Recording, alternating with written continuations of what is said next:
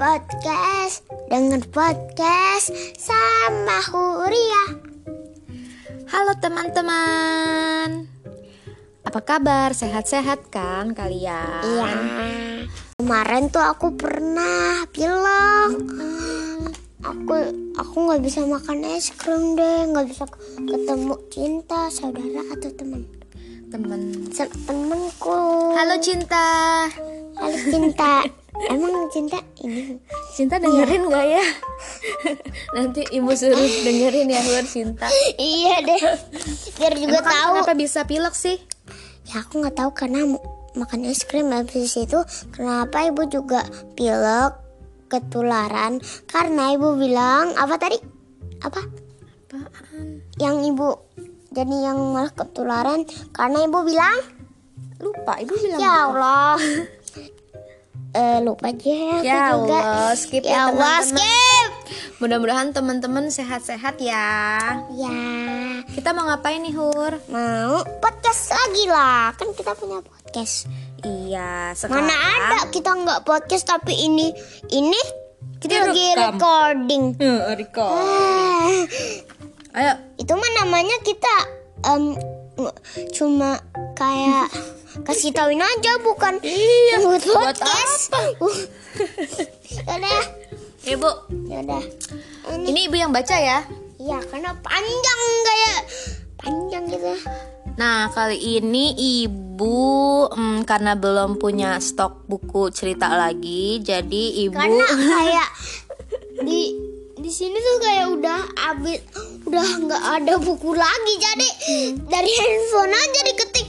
Eh ya ketemu Mm, jadi ibu dapat nih dan dari ini blog ada legend ini ceritanya legenda ya Iya legenda. Jadi ibu dapatnya dari blog agatanicole.blogspot.com. Halo Tante Agatha, aku eh, izin bacakan dongengnya ya. Dongeng legenda kota Surabaya. Surabaya aku ya? pernah ke Surabaya Pernah ya? Ya. Eh, ngapain aja di situ? Oke, nggak tahu aku masih anak kecil di situ Lah Masih sekarang juga seipit. masih anak kecil. Tapi sekarang aku- juga masih seipit. tapi aku sipit banget Huria main ke ini museum kapal selam itu loh. aku nggak ingat Sama ketemu sepupu kamu tuh, Masaka. oh yang itu tapi aku Mm, tetap sama makan soto ambengan. Ya udah kita mulai. Oke, Biar oke. Kebanyakan ngomong nanti kayak eh, Mister yang itu apa namanya Miss Miss yang suka sering ngomong tapi ya udah. Alah. Oke, legenda kota Surabaya. Kota Surabaya adalah ibu kota provinsi Jawa Timur Indonesia. pipis lagi. Ya ampun. Oke guys, kita pause dulu ya. Udah pipisnya. Udah. Tadi pas mau mulai tuh aku langsung kayak ngerah. Pipis nanti kalau nggak ditahan malah jadi ngompol deh. Oke kita lanjut lagi. Jadi kota Surabaya adalah ibu kota provinsi Jawa Timur di Indonesia Sekaligus kota metropolitan terbesar di provinsi tersebut. Surabaya merupakan kota terbesar kedua di Indonesia setelah Jakarta Daerah metropolitan Surabaya yaitu Gerbang Kertosusila yang berpenduduk sekitar 10 juta jiwa Surabaya terkenal dengan sebutan kota pahlawan karena sejarahnya yang sangat diperhitungkan dalam perjuangan arek-arek Surabaya atau bahasa Indonesianya pemuda-pemuda Surabaya dalam mempertahankan kemerdekaan bangsa Indonesia dari serangan penjajah. Apa itu? Kata Surabaya, ya, ya, ya. Penjajah, penjajah itu apa?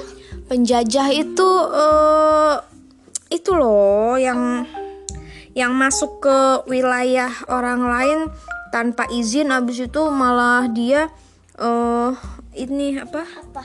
mem- memperlakukan penduduk aslinya dengan tidak baik gitu terus mm, mengambil hasil buminya pokoknya dijajah tuh oke guys kita skip aja deh ya Aku juga tahu. kalian googling aja kalau mau tahu penjajah itu apa oke juga nggak tahu karena aku masih umur 6 jadi aku masih anak kecil. Kan oke bilang ya. ibu boleh lanjut Boleh. Kata Surabaya sering diartikan secara filosofis sebagai lambang perjuangan antara darat dan air. Menuju sejarah, nama kota ini sudah muncul sejak awal kerajaan Majapahit, yakni dikenal dengan nama Ujung Galuh. Namun, karena sebuah peristiwa, maka daerah itu dinamakan Surabaya, yang berarti selamat dari bahaya. Surabaya sendiri diambil dari simbol ikan sura atau hiu Aku baru yang artinya yang diartikan itu selamat dan buaya atau yang diartikan bahaya untuk menggambarkan kepahlawanan an- tentara Majapahit aku baru tahu loh. Eh, apa namanya Surabaya sama bahaya tuh kayak agak mirip.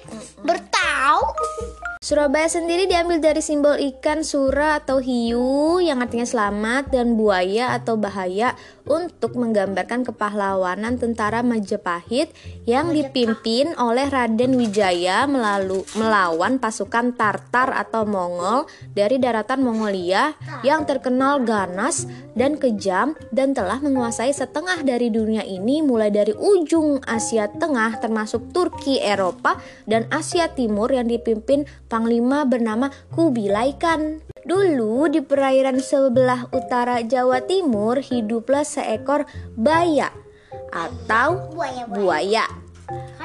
dan seekor kayak mirip bau buaya ya kan. Iya. Oke, inti ceritanya Ayo, dari tadi tuh ternyata belum intinya, guys.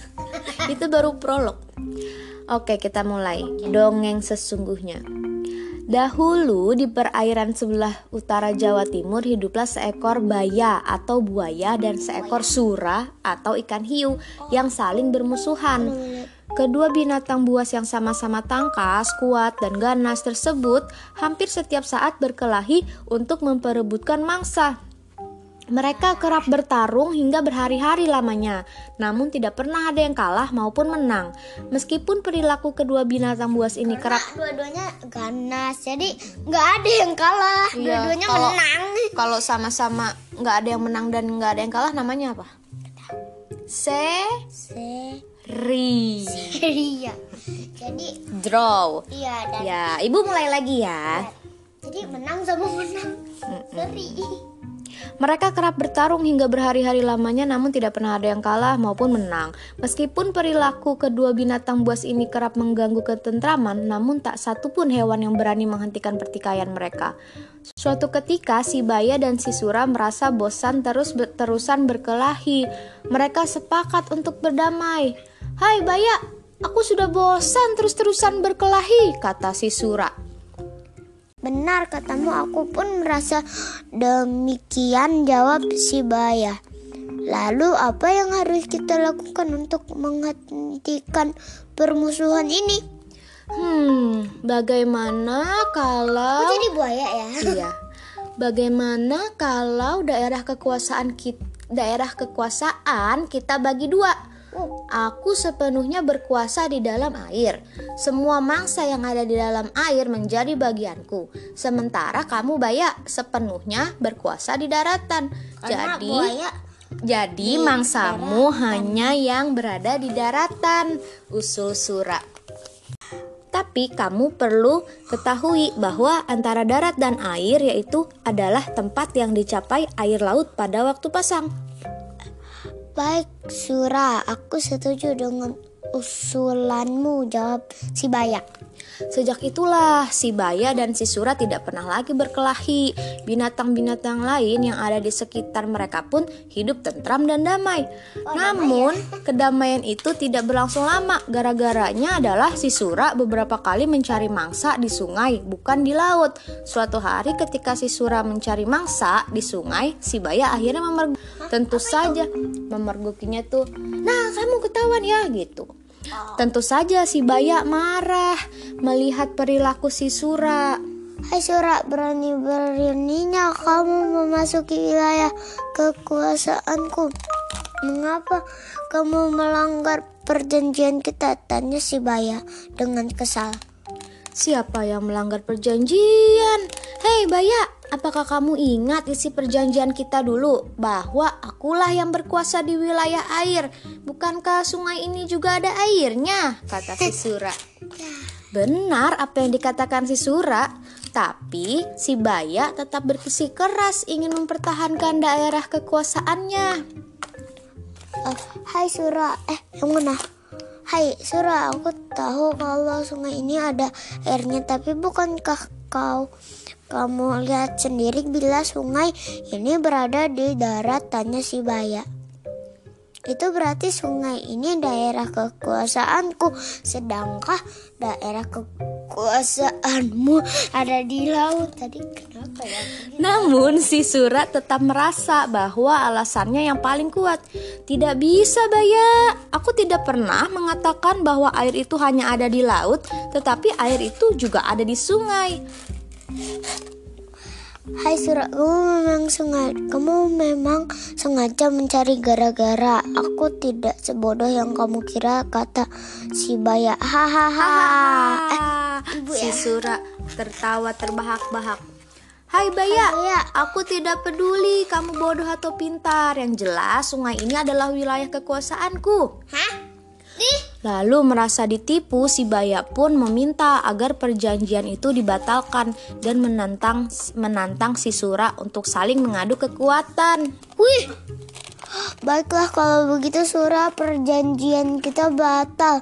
Yang penting sekarang siapa yang lebih kuat di, an di antara kita dialah yang akan menjadi penguasa tu tunggal di wilayah ini tegas si Baya. Seru juga ya dan lama. Kamu menantangku berkelahi lagi, Baya. Siapa takut? Jawab si Sura. Takut, aku bisa menang. Akhirnya pertarungan sengit pun kembali terjadi antara kedua binatang buas itu. Kali ini mereka bertarung mati-matian karena siapa pun di antara mereka yang kalah, dia harus meninggalkan wilayah tersebut. Tanpa menunggu waktu lagi, si Baya langsung menejang si Sura yang berada di dalam air. Sementara itu, si Sura yang sudah bersiap-siap dengan cepat berkelit menghindari serangan. Si Sura dan si Baya masih saling menerkam dan menggigit. Dalam suatu serangan, si Sura berhasil menggigit pangkal ekor si Baya. Hau! Air sungai yang semula jernih pun langsung berubah menjadi merah akibat darah yang keluar dari luka si Baya. Meskipun dalam keadaan terluka parah, Meskipun dalam keadaan terluka parah, si Baya terus berupaya melakukan perlawanan. Usahanya tidak sia-sia karena tidak pantang menyerah ya. Iya, karena ia berhasil menggigit ekor si Sura hingga hampir terputus. Tak ayal si Sura pun menjerit kesakitan seraya melarikan diri menuju lautan. Aduh, lari kabur. Laku malah lari kabur. Kan harusnya berenang. Si Baya merasa puas karena mampu mempertahankan wilayah kekuasaannya. Untuk mengenang peristiwa tersebut, masyarakat setempat. di mana dong Sura? Ya nggak nginep lah. Untuk di hotel laut. Hmm, untuk mengenang peristiwa tersebut masyarakat setempat menamakan daerah tersebut Surabaya yaitu diambil dari gabungan kata oh, iya, Sura, Sura dan, Hiu, dan Baya, oleh pemerintah setempat gambar ikan Sura dan buaya dijadikan sebagai lambang kota Surabaya yang hingga kini masih dipakai Nah, demikian legenda kota Surabaya dari nanti, daerah nanti Jawa Singap Timur. Ya, nanti ibu ke Ibu cari tahu yang Singapura ya. I, yang Singapura ibu itu. belum tahu lah. Yang lain itu loh. Iya iya. Yang uh, yang harimau itu loh. Iya. Nah, kira-kira Hur pesan moral yang dapat kita ambil dari dongeng Surabaya tuh apa ya? Kita nggak boleh saling bertang bertengkar bertengkar. Hmm, kita nggak ya, boleh serakah ya. Ya nanti kita langsung minta maaf. Jangan bertengkar mulu bertengkar mulu ya kan? Hmm. satu satu kali aja bertengkarnya. Habis itu minta maaf. Betul ya. Udah teman-teman itu dia di sini siapa yang dari Surabaya? Saya. Nah, teman-teman yang orang teman-teman orang Surabaya atau yang tinggal di Surabaya, pokoknya wajib dengerin dongeng ini terus di-share ke teman-temannya. Oke, sampai jumpa lagi di dongeng untuk Huria episode berikutnya. Berikutnya. Dadah. Dadah.